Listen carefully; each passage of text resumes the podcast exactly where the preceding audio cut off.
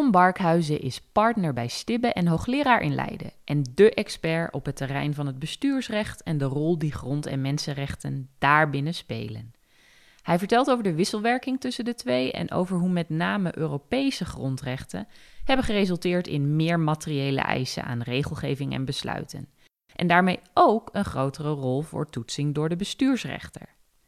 We praten over het ruime toepassingsbereik van grondrechten en over hoe dit samenhangt met vergaande beperkingsmogelijkheden. Ook in de discussie over maatwerk in het bestuursrecht, de wens naar meer responsiviteit en burgergericht handelen, spelen grondrechten een normerende rol. Met eisen van gelijkheid, maar ook door de mens centraal te stellen en zo bij te dragen aan de ontwikkeling naar integrale geschilbeslechting. Dit is Ons Goed Recht, de Nederlandse podcast over grondrechten. Ik ben Ingrid Leijten, universitair docent staats- en bestuursrecht aan de Universiteit Leiden. En ik ga op onderzoek uit naar de hedendaagse rol en betekenis van onze meest fundamentele rechten. Ik praat met experts uit de wetenschap en praktijk en samen met hen probeer ik antwoorden te vinden op vragen als: wat kunnen grondrechten?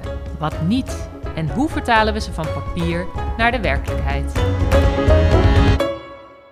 Hartelijk welkom, Tom. Welkom in deze podcast over grondrechten. En voor wie deze podcast al vaker heeft geluisterd, ik begin altijd met de vraag: wat fascineert jou aan grondrechten? Ja, dankjewel Ingrid. Uh, leuk om uh, mee te mogen doen aan dit uh, podcast-interview. Ehm, ja, wat fascineert mij aan grondrechten? Dat is best een lastige vraag. Ik, ik denk dat ik in algemene zin vooral in het recht geïnteresseerd ben. en ik, ik vind dat, dat in, in dat recht grondrechten gewoon een, een, ja, een heel belangrijke plaats innemen. Mm. Omdat ze richting geven aan ontwikkelingen in het recht en ook in de samenleving. Ja. Um, en de kaders geven waarbinnen het recht zich kan ontwikkelen. Maar tegelijkertijd ook niet zo vast omlijnd zijn dat, dat ze echt muurvast in, in steen gehouden zijn. Maar dat er ook debat mogelijk is over ja, hoe, die, hoe die kaders dan zijn. Ja. Um, dat vind ik echt fascinerend aan grondrechten in meer abstracte zin. In een meer praktische zin vind ik het fascinerend aan grondrechten dat je er op heel veel terreinen ook mee in aanraking komt. En in toenemende mate, ook als je met het recht bezig bent. Mm-hmm. Als ik in het bestuursrecht uh, uh, uh, werkzaam ben in de theorie aan de universiteit, maar ook in de praktijk bij STIB als advocaat. Dat je eigenlijk op beide terreinen zie je gewoon dat de grondrechten een heel belangrijke rol spelen. Um, en ja, omdat ik in het recht geïnteresseerd ben, ben ik er vanzelf eigenlijk ook in die grondrechten geïnteresseerd. Omdat het een integraal onderdeel uitmaakt wat mij betreft van het recht. Ik vind het geen aparte categorie. Ik vind het, ja. ik vind het gewoon een integraal onderdeel van het recht. Net zoals als je rechtsbeginselen hebt, of je hebt het algemeen bestuursrecht, heb je ook grondrecht. En dat pakket samen maakt dat we een goede rechtsontwikkeling kunnen hebben, dat we problemen in de praktijk een goede richting kunnen oplossen. Ja, ja het is dus inderdaad een beetje een overkoepelend kader, hè, wat je niet als losstaand fenomeen kunt zien, maar juist een hele sterke wisselwerking heeft. Nou, in jouw geval, uh, je bent enerzijds hoogleraar aan de Universiteit Leiden, maar in jouw praktijk als partner bij Stibbe kom je grondrechten waarschijnlijk het meest tegen in, ja, in relatie tot het bestuursrecht en de bestuursrechtpraktijk. Ja. Hoe zie jij die, die link tussen die twee? Hè, bestuursrecht gaat natuurlijk over besluiten van de overheid voor de burger. Dus daar zit misschien al een beetje een, een samenhang. Hè? De relatie staat-burger. Ja, ja, ik denk mijn praktijk uh, speelt zich eigenlijk af uh, in de verhouding overheid-burger. En ik treed natuurlijk vaak op voor, voor wat grotere ondernemingen, hmm. aan de ene kant, maar ook vaker voor de overheid tegen uh, ondernemingen. Een beetje een wisselende praktijk. Um, en in, in, in, beide constellaties krijg je met grondrechten te maken. Ja. Waarom is dat zo? Nou, eigenlijk omdat je kan zeggen dat de algemeen het bestuursrecht vaak eigenlijk heel weinig materiële richting geeft in, in, in, in zaken. Dus die grondrechten geven als het ware een soort materiële invulling aan de ja. AWB. Um, en aan de andere kant hoort bij het bestuursrecht eigenlijk hoort ook de praktijk van de onrechtmatige wetgevingszaken. Ja. De overheid kiest er steeds vaker voor om bepaalde maatregelen in een wet neer te leggen. Mm -hmm. Die hebben al dan niet negatieve effecten voor uh, mijn cliënten. En als er een formele wet is, ja, dan is eigenlijk de enige remedie daartegen, om, om je daartegen te kunnen verzetten, Mm-hmm. Uh, is een beroep op uh, in, in verdragen neergelegde grondrechten. Ja. En dat maakt dat in mijn praktijk, uh, die ook best vaak over die wat grotere kwesties gaat, ja. die, die Euro met name Europese grondrechten ook een heel belangrijke rol spelen. Ja. Ja, het gaat met name waarschijnlijk weer om die EVRM-rechten die juist in de Nederlandse rechtsorde zo, zo prominente rol spelen. Klopt, eh, het zijn, veel EVRM-rechten. Ehm, en als je daarop terugkijkt, een beetje mijn, mijn, carrière voor werk mag terugkijken, gelukkig zit ik dat middenin, maar een klein beetje terugkijken. Uh, ik denk dat je eigenlijk twee golven hebt gezien van grondrechten invloed in de bestuursrechtpraktijk. Dus heel lang is het gegaan over inrichting van onze rechtspraak, de rechtelijke organisatie. Mhm. Eh, welke waarborgen moeten er zijn? Scheiding, scheiding tussen uh, advisering en rechtspraak bij de Raad van State bijvoorbeeld. Hoe moet een procedure worden ingericht zodat er equality of arms in acht wordt genomen? En hoe moet je een bestuurlijke boete uh, in het kader van het bestuursrecht behandelen?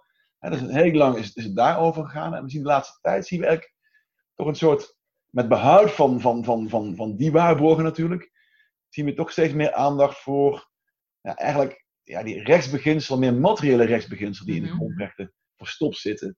En die over die band van de grondrechten in, in de zaken die ik doe aan de orde komen. Dan gaat het nu met name natuurlijk als je het over klimaatverandering hebt, of je hebt over ja. uh, maatregelen die moeten worden genomen vanwege andere uh, ingrijpende gebeurtenissen. Bijvoorbeeld de financiële crisis van een aantal jaar geleden. Ja. En dan zie je dat dat vaak via formele wetgeving gaat. En dan wil je eigenlijk, wil je dan zeggen als bedrijf dat plotseling een bepaald aantal, een heel theoretisch voorbeeld, rechten kwijtraakt om CO2 te mogen uitstoten, waar je al mhm. jarenlang recht op gehad hebt probeer je dat te verzetten. Omdat in een formele wet is neergelegd, moet je dan uitwijken naar een pendant in het Europese Verdrag voor de mhm. Rechten van de Mensen. Dat is vaak het eigendomsrecht, waar rechtszekerheidsbeginsel een beetje in verstopt zit. En over die band kun je dan dat aan de orde stellen. Ja. En mijn stelling is eigenlijk ook dat wanneer we in Nederland geen, geen toetsingsverbod zouden hebben, ja. als artikel 120 grondwet niet zou bestaan en we zouden formele wetten wel mogen toetsen aan normale rechtsbeginselen, normaal tussen aanhalingstekentjes, Mm Dat Nederland echt veel minder een beroep zouden hebben op formele, op, op, op formele verdragsrechten, grondrechten. Dus het is toch vaak in die grotere zaken is het toch vaak een beetje een, ja, een omzeiling. Nou, dat is geen omzeiling, maar ja, je gaat wel om een toetsingsverbod heen.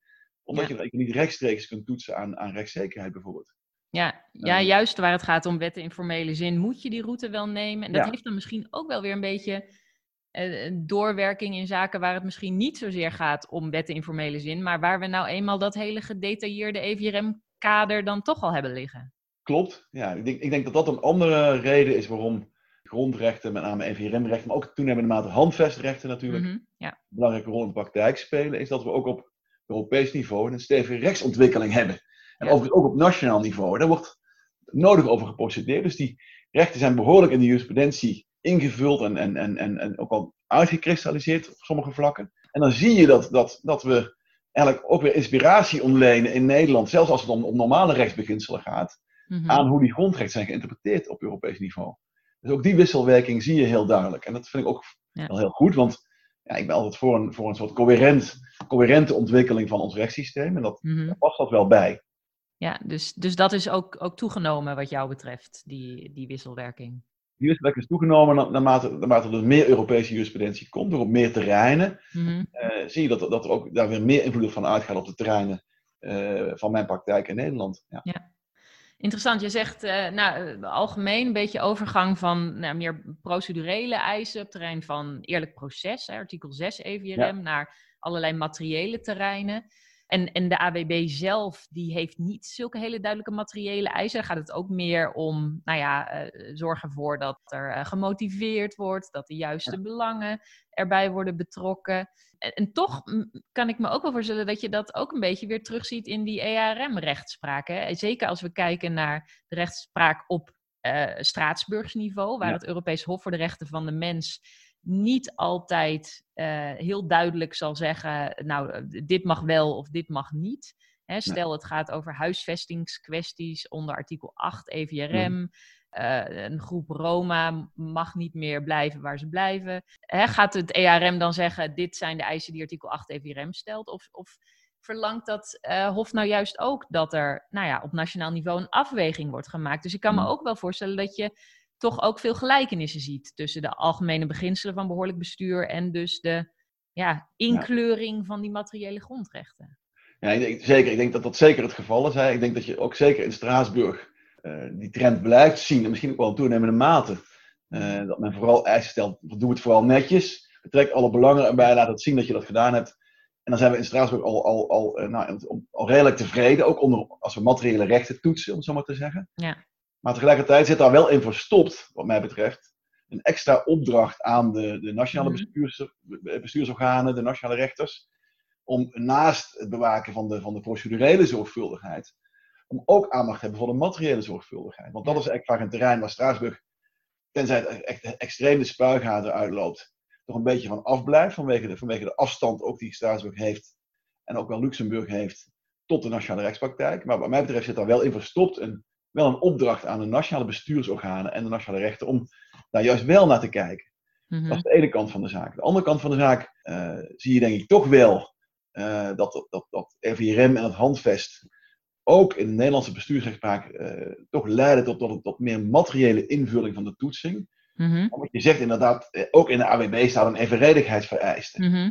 Als je ziet hoe dat, hoe dat eigenlijk de, de, de, de, de, sinds de introductie van de AWB toegepast is door de Nederlandse bestuursrechters, is op een hele terughoudende manier. Ja. En eigenlijk maakt het niet uit of je nou, of je nou met, een, met, een, met, een, met een boete van 3 miljoen werd geconfronteerd, of met een, eh, een, een, een terugvordering van een, van een subsidie van 100 euro. Mhm. Eh, In beide gevallen zei de bestuursrechter, ja, artikel 3, 4, 2 AWB, de evenredigheidstoetsing, Ja. moeten we heel terughoudend doen. Ja. Nou, wat zien we nu de afgelopen jaren? In, in- onder invloed van, van de Europese grondrechtenjurisprudentie, denk ik stellig, dat elk, eh, de Nederlandse bestuursrechters gaan differentiëren. Die zeggen, ja, als de belangen die op het spel staan heel groot zijn, Ja. en dan moeten we met datzelfde artikel 3, 4, 2 toch veel intensiever gaan toetsen. Ja. En waar dat niet zo is, waar die belangen kleiner zijn, kunnen we de, de ouderwetse, eh, achteroverleunende, meer terughoudende Mhm. toetsing hanteren. Dus dat klaart een beetje mijn, mijn, mijn stelling dat naast die eh, procedurele eisen die er stellig zijn, Ja. dat ook eh, Straatsburg en Luxemburg wel degelijk ook de afgelopen periode en, en steeds meer nu toch invloed hebben op, op, de, op de meer materiële toetsingen in zaken. Omdat Ja. evenredigheidstoetsing vind ik eigenlijk wel een materiële vorm van toetsing. Ja, uiteindelijk wel. Als je niet alleen de eis stelt dat er wordt afgewogen, Precies. maar ook dat daadwerkelijk de belangen zo zwaar zijn als ze zijn. Ja. En dat je dat terug kunt voeren, dan. eh, En als je het heel, als je het heel nog iets, iets concreter maakt, hè, dan, dan denk ik dat we op weg zijn in Nederland van, een, van, een, van een, eh, die zaken die er echt toe doen en waar de belangen heel erg groot zijn. Mhm. Zijn we denk ik op weg van een rechter die eh, alleen maar toetste of wat het bestuursorgaan had gedaan, wel enigszins door de beugel kan, dat het niet, niet helemaal verkeerd liep. Gaan we steeds meer toe naar een rechter die zich een eigen mening gaat vormen over, over wat nou een redelijke uitkomst is eh, in een belangenafweging. Ja. In, die, in die echte zaken waar het echt toe doet. Hè? ja, ja. Ehm, en, en dat is iets wat je in het vreemdelingenrecht in toenemende mate ook ziet. Onder invloed van grondrecht, maar ook van, nou ja, van, van andere EU-vereisten. dus daar zie je ook dat die rechter toch steeds meer ja, ook zichzelf in de spiegel moet kijken. Zou ik nou zelf aandurven om deze asielzoeker terug te sturen naar het Mhm. land van herkomst? En dat je niet meer goed in de spiegel kunt kijken wanneer je alleen maar hebt gekeken, nou ja, de IND heeft gewoon eh eh, procedureregel A, B, C wel toegepast. Ja. Ik kan rustig gaan slapen. En dat is onder invloed van Straatsburg, denk ik toch, is, is die ontwikkeling wel, wel ingezet. En die is denk ik ook niet meer te stoppen. En waarom niet? Omdat ik ook denk dat in Nederland heel veel mensen die in bestuurrecht werkzaam zijn, eigenlijk ook al heel lang niet meer tevreden waren over waar hun werk nu toe leidde. Ja. Eh, Ik heb jarenlang opleiding gegeven aan radio's, ja. echt ambtenaar aan opleiding. En ja, het was altijd een beetje, beetje somber wanneer ze moesten wisselen naar bestuursrecht. Want dan zeiden ze van ja, nu, we waren rechter, we mochten zelf geschillen beslissen. Mhm. En nu worden, worden, worden we een soort ja, eh, procedurecontroleerder, waar Ja. onze eigen mening niet meer toe doet. En ik, ik weet zeker dat dat onder invloed van de Europese grondrechten, als ik nu opnieuw met diezelfde rechten, met diezelfde radio's erover zou praten, Mhm. veel, al, al veel positiever is geworden van het bestuursrecht. Ja, dus eh, jij vindt het ook een goede ontwikkeling eh, eh, als ik dat zo hoor.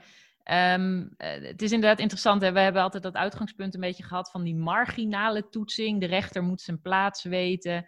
Eh, maar juist als het heel gaat om, om fundamentele dingen, dan moet je dat misschien wel los willen laten. En het is mooi als grond- en mensenrechten een beetje, nou een beetje bijdragen aan dat besef. Eh, dat je toch die individuele check moet hebben. Hè, dat de- inderdaad wel het beleid kan zijn toegepast en de hokjes zijn afgevinkt. Eh, maar dat je moet kijken naar hoe pakt dat nou uit in dat individuele geval. En moeten we dan misschien toch tot een andere conclusie komen. Ja, je zou het, als je, als je het, als je het heel simpel vertaalt, zou je kun- kunnen zeggen dat die grondrechten op deze manier een echt soort zo'n macro-materiële redelijkheidstoets inhouden aan het einde van de rit.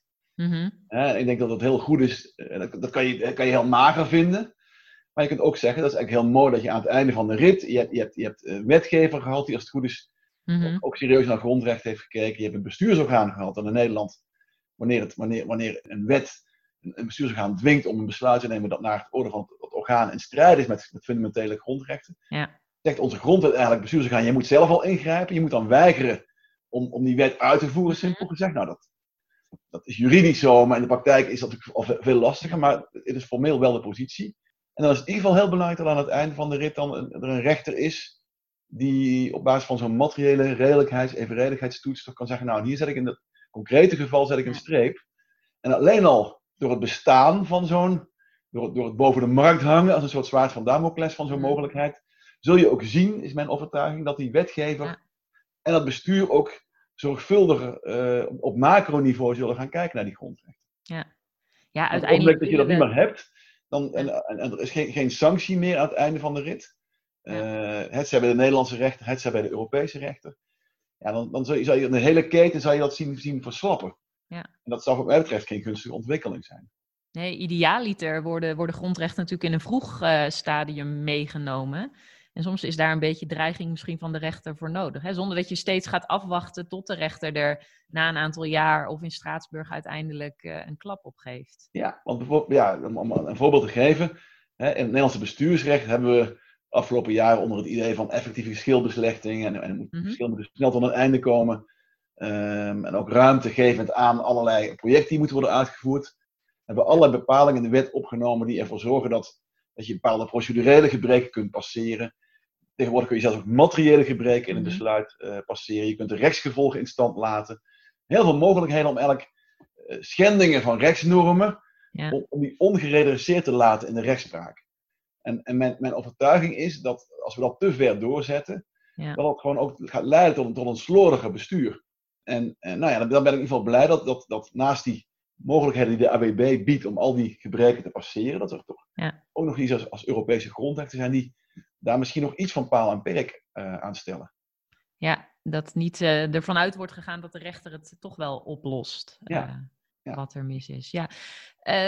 Toch, het klinkt allemaal heel logisch. De rol van de rechter moet er zijn, moet groter zijn. Heb jij enig idee waar dan toch die kritiek ook vandaan komt? Is het, is het te onduidelijk wat, wat de rechter doet? Ja, de, de, de kritiek, als je voorbeelden neemt, echt grote zaken zoals Urgenda, Mhm. Waar, waar mede op basis van het EVRM de rechter toch echt vergaande ja, beve- bevelen oplegt aan de staat eigenlijk.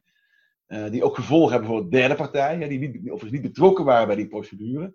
Ja. Nou, daar heb ik zelf ook wel een, een, een, procedurele zin kritiek op. Ik vind, eh, als je dat soort grote procedures eh, mogelijk maakt in Nederland, Ja, en ons procesrecht doet dat terecht, ja, ja. Hè? Het moet kunnen. Ik, ik vind dat je de staat moet kunnen dagvaarden, het ogenmatig gedaan met de stelling, je doet te weinig aan, aan CO2-reductie. Maar we zullen ons procesrecht daar wel op moeten toe- toesnijden. Dan zullen we op de een of andere manier de partij die, die uiteindelijk door zo'n procedure, door een uitspraak in zo'n procedure geraakt gaan worden, zoals Ja. de grote industrie, eh, de, de, de grote CO2-uitstoters, om het nog even simpel te zeggen, die zouden eigenlijk daar ook gehoord moeten worden. Die zouden ook een verhaal naar voren Ja. moeten kunnen brengen eh, in zo'n zaak. En nu is dat niet zo. Nu zit een procedure tussen de milieubeweging ja, ja, ja. aan de ene kant en de staat aan de andere kant. En ik denk dat je als rechter daarmee niet het complete beeld hebt. Mhm. Maar ik denk dat je bijvoorbeeld al gevoeliger bent voor kritiek in dat soort zaken. Dus Ja. ehm, die zaken moeten er vooral blijven. Ik ben, ik ben er erg voor. Nog liever ben ik er trouwens voor dat de politiek het zelf oppakt. Maar als dat nog niet zo is, Precies, dan moet de rechter kunnen corrigeren. Ja. Maar dan wel met een procesrecht dat daarop toegesneden is. Dus ja, dan, dan, moet, moet, dan moet de mogelijkheid komen van amicus curiae eh, Mhm. participatie. Misschien moet je, moet, je, moet je ook wel kijken wat zijn er de meest getroffen eh, organisaties als gevolg van zo'n zo'n public interest zaak. Ja. En eh, nodig die uit aan tafel als, als belanghebbende. Laat ze Mhm. meepraten. En dat soort mogelijkheden aan de, aan de ene kant. Aan de andere kant, ja, kritiek op uitspraken die diep ingrijpen. Ja, dat zal er altijd zijn. Ja. Ehm, en, en nou ja, het, het goede van deze agenda bijvoorbeeld is dat de kritiek van beide kanten kwam. Eh, ik denk dat, dat misschien de milieubeweging wel een tandje scherper had gewild uiteindelijk. En de, de grote CO2-uitstoters en, en de mensen die niet geloven in de opwarming van de aarde als gevolg van CO2-uitstoot, die hebben ook hun, hun kritiek natuurlijk gehad. Maar ja, er is er echt toch wel redelijk tussenin gaan zitten. En, en ja, dan de grondrechten, want daar, daar, gaat, daar gaat natuurlijk de, deze podcast ook over. Ja, ja, ja. Ja, misschien zijn die wel een beetje het kind van de rekening in deze zaak. Omdat de rechter. Nou, ik begon met, met het interview met, met mijn stelling. Ja, we hebben dat toetsingsverbod in Nederland. Mhm. Ehm, het, het maakt dat als er formele wetgeving het geding is, je eigenlijk altijd moet naar, die, naar die Europese grondrechten toe moet. Ja. Nou, dat, dat moesten die milieuorganisaties dus ook toen ze iets van de Ja. staat gingen vragen, omdat in dat pakket maatregelen dat moest worden genomen. eh, ja, kan je niet uitsluiten dat er ook formele wetgeving nodig is. Dus ik zou als advocaat maar ook beroep hebben op die artikelen eh 2 en 8 EVRM, het recht op leven en het recht op bescherming van die woongenot, et cetera.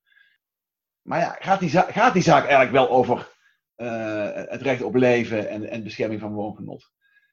Als, als ik de uitspraak erg goed lees, gaat die zaak eigenlijk over iets anders. En, en die Hmm. gaat eigenlijk over staat als jij zelf in je afwegingen en op politiek niveau afspraken maakt Ja. en zegt van ja, we moeten liefst 40% reduceren, maar Ja. minimaal 25%, om te doen wat, wat wij als politiek nodig vinden om de opwarming van de aarde tegen te gaan, Ja. dan zou je die agendazaak eigenlijk ook kunnen zien als een, eh, een procedure die eigenlijk heel erg simpel eh, gericht is op nakoming van een, van een toezegging. Ja. Eh, u hebt dat toegezegd. Ja. U hebt dat- en, en, en gaan we op het minimum zitten wat u nodig vond. En daar houden we u aan. Ja. Nou, en, en, ja, en, en nu moest dat dan over de band van de grondrechten. En, en dan begrijp ik, ja, dan komen die grondrechten toch een beetje, een beetje in een kwaad daglicht te staan bij de kritiekasters van de uitspraak. Ja, ja, ja. Maar of het eigenlijk om de grondrechten gaat, vraag ik me af. Ja, ik, ik, ik snap heel goed je punt.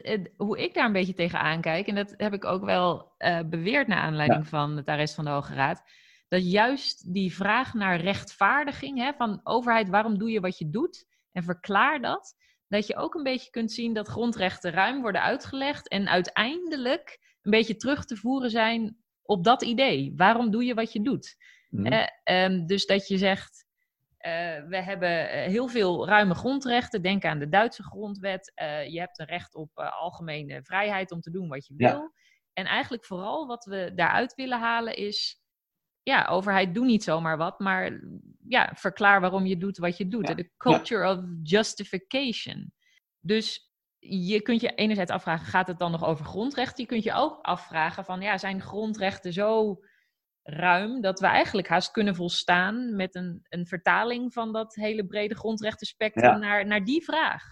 Ja. Is het rechtvaardig wat je doet of wat je Ja. nalaat? En of dat wenselijk is, is iets anders. Maar, Nou, ik, ik denk dat, dat heel veel grondrechten inderdaad zo werken. Mhm. Ehm, eh, de meeste grondrechten zijn ook te beperken. Dat is misschien ook wel een beetje een gebrek aan, aan besef publieke opinie als je het over grondrechten hebt. Ja. De meeste mensen denken in grondrechten, ja, daar mag je niet aankomen. Hè. Maar, maar, maar eigenlijk de meeste grondrechten zijn eigenlijk, denk aan, aan het recht op woongenot.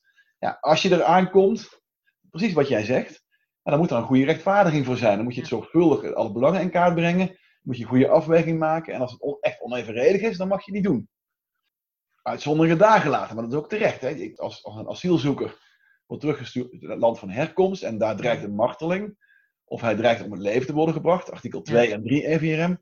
En dat zijn die absolute grondrechten die elk beginsel niet beperkbaar zijn. Ja. Dat, zijn dat zijn eigenlijk de grondrechten die de meeste mensen op hun netvlies hebben als ze in, in algemene zin aan grondrechten denken.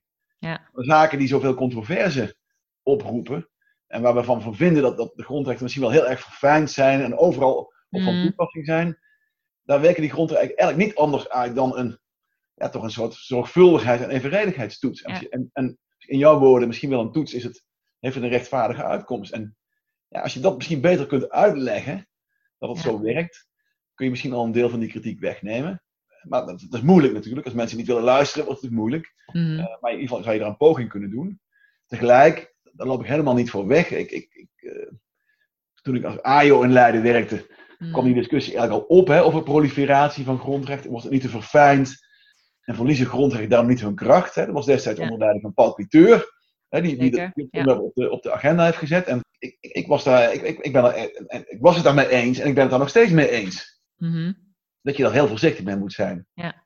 Hè? ehm, en, eh, we hebben altijd het voorbeeld gegeven van het, ja, dat, je, dat de grondrechten zo ruim zijn dat je ook het recht op je kopje koffie 's ochtends in een, in een Italiaans espresso bar in zou kunnen inlezen. Mhm. Ja, ik denk dat, dat, dat je daar, daar voorzichtig mee moet zijn. Ja, en, en, en daar begrijp ik ook heel goed jouw punt, jouw aarzeling om, om, om op heel veel terreinen die grondrechten er maar, er maar bij te halen. Tegelijk, ja, het is ook aan, aan de rechtsontwikkeling. Hè. Het is het ja. Europees Hof uiteindelijk en de nationale rechter om als partij een beroep op grondrechten te doen en een rechter vindt het echt niet vallen binnen het toepassingsbereik van een grondrecht, dan moet daar misschien wat duidelijkere jurisprudentie over ontstaan, mhm. eh, dat er grenzen worden getrokken. Um, maar misschien is, is, de, is het vaak voor rechters ook makkelijker om het maar wel als grondrecht te beschouwen, ja. omdat daarna die toetsing toch de beperking mogelijk maakt. En naarmate het een, een, een, een lichtere ingreep in iemands leven is, die misschien dan wel onder het toepassingsbereik van de grondwet valt, hoe makkelijker die beperking ook te maken is. Dus ja misschien het systeem van de grondrechten maakt het misschien ook wel heel aantrekkelijk om, om alles er maar onder te laten vallen. Omdat uiteindelijk de uitkomst toch niet zo heel erg wordt beïnvloed door het feit dat, dat het een grondrecht is. Ja, ja helemaal eens. Want ik denk absoluut dat hè, grondrechten, het gaat in eerste instantie om interpretatie. Valt het belang onder een recht? En vervolgens gaat de rechter toetsen bij die niet-absolute grondrechten. Was, was deze beperking nou toegestaan? Uh, en die eerste vraag is vaak heel lastig. En hè, de toets in, in de tweede fase, die gaat eigenlijk ook in de kern om proportionaliteit. Nou, dan zeg je, als het een wat minder vergaande inbreuk was, dan weegt die gewoon wat minder zwaar in die afweging uiteindelijk. Ja. Dus dat kan altijd. Maar je, je, je, dit koppel je wel leuk met, met inderdaad de discussie over: weet men dat grondrechten beperkt mogen worden? Hè? Want op het moment dat de beeldvorming dan wordt, artikel 8 EVRM uh, bevat een recht op goede nachtrust. Hè. Er was een zaak die ging over uitbreiding van Heathrow en er is veel kritiek op gekomen van, nou ja, moet nou een verbod van nachtvluchten, zijn die nachtvluchten nou een inbreuk op jouw grondrecht op, op privéleven? Een recht op goede nachtrust, ja, misschien een beetje uh, als, als uitgangspunt, maar dat mag dus wel weer heel vaak beperkt worden. Dus als je dat niet beseft, dan klinkt dat inderdaad een beetje, een beetje overdreven, hè? dat je al die rechten hebt. Klopt. Uh, ik vind dat we dat juist ook in deze coronatijden heel sterk zien. Hè? Dat, dat dat lastig is te, te begrijpen. Dat mensen nu reageren, hè, kritiek op, de, op het wetsvoorstel, uh, dat dat toch uh, nou, vergaande grondrechten beperkt. En dat, dat je dan ook op sociale media de reacties ziet grondrecht, worden mijn grondrechten beperkt, maar dat kan toch helemaal niet. De regering is, is gek geworden. Ja, ja, uh, terwijl je eigenlijk moet zeggen, nou ja, hoor eens, dat gebeurt ook in niet-coronatijden aan de orde van de dag. En het is oké, want die rechten zijn een soort beginselen. We moeten er naar streven ze zoveel mogelijk te garanderen. Maar er zijn natuurlijk altijd ja, ook andere belangen in het spel. Klopt, ik denk dat dat, dat, dat dus uh, aan, aan, de ene kant erg ook uh, samen met educatie Mhm. Op het ogenblik dat, dat mensen uh, op school, uh, om te beginnen natuurlijk, uh, iets meer zouden, zouden leren over hoe grondrechten werken en wat ze wel en niet kunnen betekenen. en hoe absoluut ze al dan niet zijn. Hè? Dat dat ook heel, heel erg kan schelen bij, als, als men later in de samenleving gaat participeren, begrip van bepaalde, bepaalde uitspraken of bepaalde wetgeving. Dat, dat zou heel erg kunnen helpen. En tegelijkertijd denk ik ook wel ja, dat, dat, dat, dat misschien als rechters uitspraken doen, uh, of als, als een wetgever een grondrechten beperkt, dat je misschien nog iets beter uitleg moet geven over wat je, wat je doet.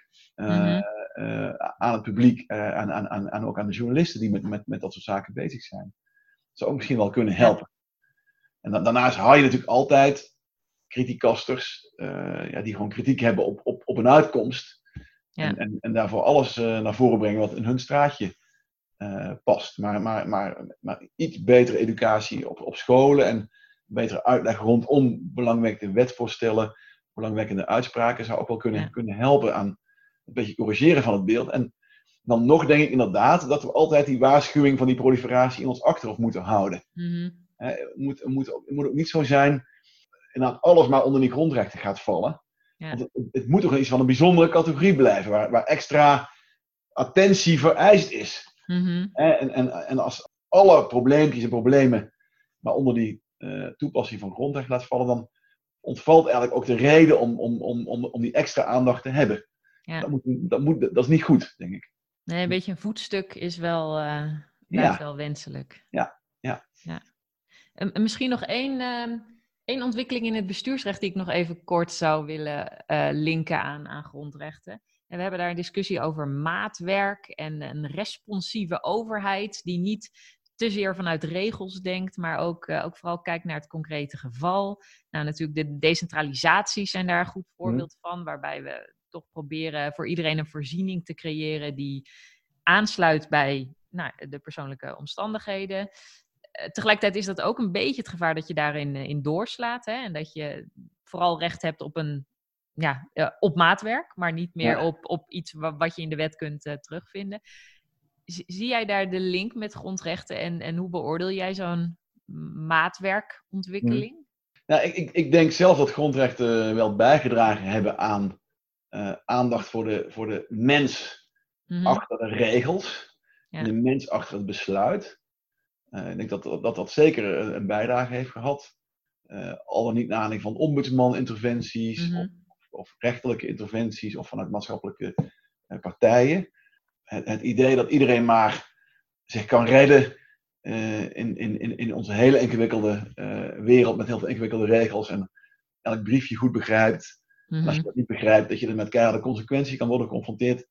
Ik denk dat daar uh, mede op basis van grondrechten de afgelopen jaren echt een kentering is gekomen. Mm -hmm. meer de mens centraal en ook beseffen dat elk mens anders is ja. En, en de ene mens een brief heel goed kan begrijpen en de ander niet. Ja. Uh, daar hebben grondrechten ook aan bijgedragen. Ik denk dat dat een hele goede ontwikkeling is. Mm -hmm. We spraken eigenlijk ook al over dat grondrechten ook bijgedragen hebben aan die ultieme individuele, materiële evenredigheids-redelijkheidstoets. Mm -hmm. Aan het einde van de rit hadden we het over. Ja. Nou, ik denk dat dat ook een bijdrage aan het maatwerk is geweest. Maar ik denk dat we ook gaan, zullen gaan zien, en dat zien we nu ook al, en dat, dat is ook weer het mooie van grondrechten. Dat, dat fascineert me überhaupt in het recht maar grondrechten daar, daar erg aan bij. Dat is uiteindelijk zoeken naar een goede balans. Ja. Hoe, hoe, ga je allerlei belangen op een goede manier met elkaar verenigen, dat je zo, zo optimaal mogelijk resultaat krijgt. En ook hier in die maatwerkdiscussie zul je ook zien dat die, vanuit die grondrechten ook weer een tegendruk gaat ontstaan, namelijk vanuit het gelijkheidsbeginsel. Mm -hmm, Zal uiteindelijk ook alweer aan de orde komen, ja, maatwerk tot je dienst. Uh, maar ja, er is ook nog zoiets als dat je moet kunnen uitleggen waarom iemand in Haarlem wel een traplift krijgt en iemand in, in, in nou ja, laten we zeggen, Amsterdam niet. Ja. En, en, dan kan je wel zeggen, we hebben het gedecentraliseerd. En dan komt die menselijkheid weer om de hoek. Ja, maar de mens in Amsterdam is hetzelfde als de mens in, in Haarlem. Mm -hmm. Allebei inwoners van Nederland, allebei belastingbetalers. Ja, en dan is het eigenlijk niet goed uit, uit te leggen dat, dat de een wel en de ander niet die traplift krijgt. Dus dat, dat is het mooie van, van, van, van, van die grondrechten. Ze dragen bij aan, aan maatwerk. Ja. Maar ze zullen ook de uitwassen van het maatwerk weer terugduwen. Ja, inderdaad. En om, om, dat maatwerk weer goed te kunnen beoordelen. We hadden het eerder ook al even kort over nou, procedurele wijzigingen in het systeem, die dan wel volledig moeten worden doorgetrokken. Uh, en dat zit hier natuurlijk ook een beetje met, met het besluitbegrip waar we aan vastzitten. Hè? Als je dan overgaat naar maatwerk, dat voor een deel door professionals wordt geleverd en niet altijd resulteert in een besluit. In bestuursrecht moet er een besluit zijn voordat je ja. ergens tegenop kunt komen dan moet je dat ook uh, in zijn geheel bezien en, en kijken wat er misschien nog meer voor aanpassingen nodig uh, zijn. Ja. ja, ik denk dat dat misschien nog wel, nog wel een volgende stap zou kunnen zijn. Hè. We, we, we, we, spraken al die, die fases in de, in, de, in, de, in de beïnvloeding van het Nederlandse rechtspraktijk door grondrechten. Mm. Aan het begin meer die ja, procedurele eisen, de inrichting van de bestuursrechtspraak. Later kwam dan, kwam dan meer de materiële toets bij. En ik denk, wat je, wat je, waar we nu mee bezig zijn, is denk ik nog langzaam toewerken naar echt geschilbeslechting uh, van het hele geschil. En, en ook zoals de mens het geschil ervaart. En niet zoals de ja. bureaucraat het geschil ervaart. Ja. En zodat het ook echt uit de wereld van de mens het geschil wordt weggenomen. Dat is echt de fase, en denk ik, als je, als je de normale mensentaal vertaalt, ja, ja, ja. waar we nu in het bestuursrecht mee bezig zijn. En waar, we vroeger uh, heel goed konden, konden leven met dat, dat een, een, een procedure eigenlijk voor 90% ging over welke rechter is bevoegd. Mm -hmm. uh, en terwijl de cliënt daarbij zat en die zei, ja, maar het gaat mij om een trappenlift. Ja.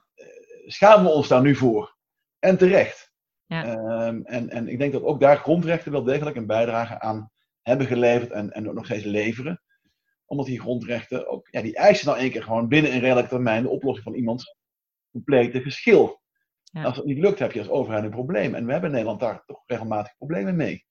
Ja. Nog steeds. En we, hebben gelukkig nu aandacht daarvoor.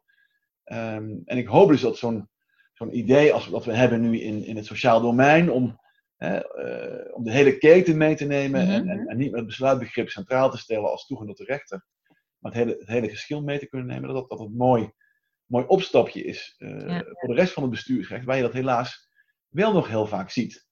Ja. dat er geschil versnipperd wordt, dat, dat, dat iemand die misschien die brief niet helemaal goed begrijpt, als hij, als hij tegen één briefje niet een bezwaarschrift indient, dat, dat hij echt, echt een groot probleem heeft, later verderop in de rit, dat we dat wat kunnen, kunnen terugdringen. Dat, dat, dat, dat zou een grote wens voor mij zijn voor, voor, de, voor de komende periode. Ja, mooi. Uh, dank voor de mooie schets van de ontwikkeling. Ik heb het ook weer wat scherper allemaal op mijn netvlies nu. Wil, wil jij tot slot nog, nog wat kwijt? Waar moeten we, moeten we aan werken, op richten? zeg het maar. Jeetje, ja, dat, het klinkt bijna als een testament. Ik hoop niet dat het, dat, het, dat het zo, zo is. Wel nee. Ja, daar niet van uit. Um, nee, ik denk dat we, dat we in dit interview al heel veel dingen hebben aangeraakt. waar we ons nog op zouden kunnen richten.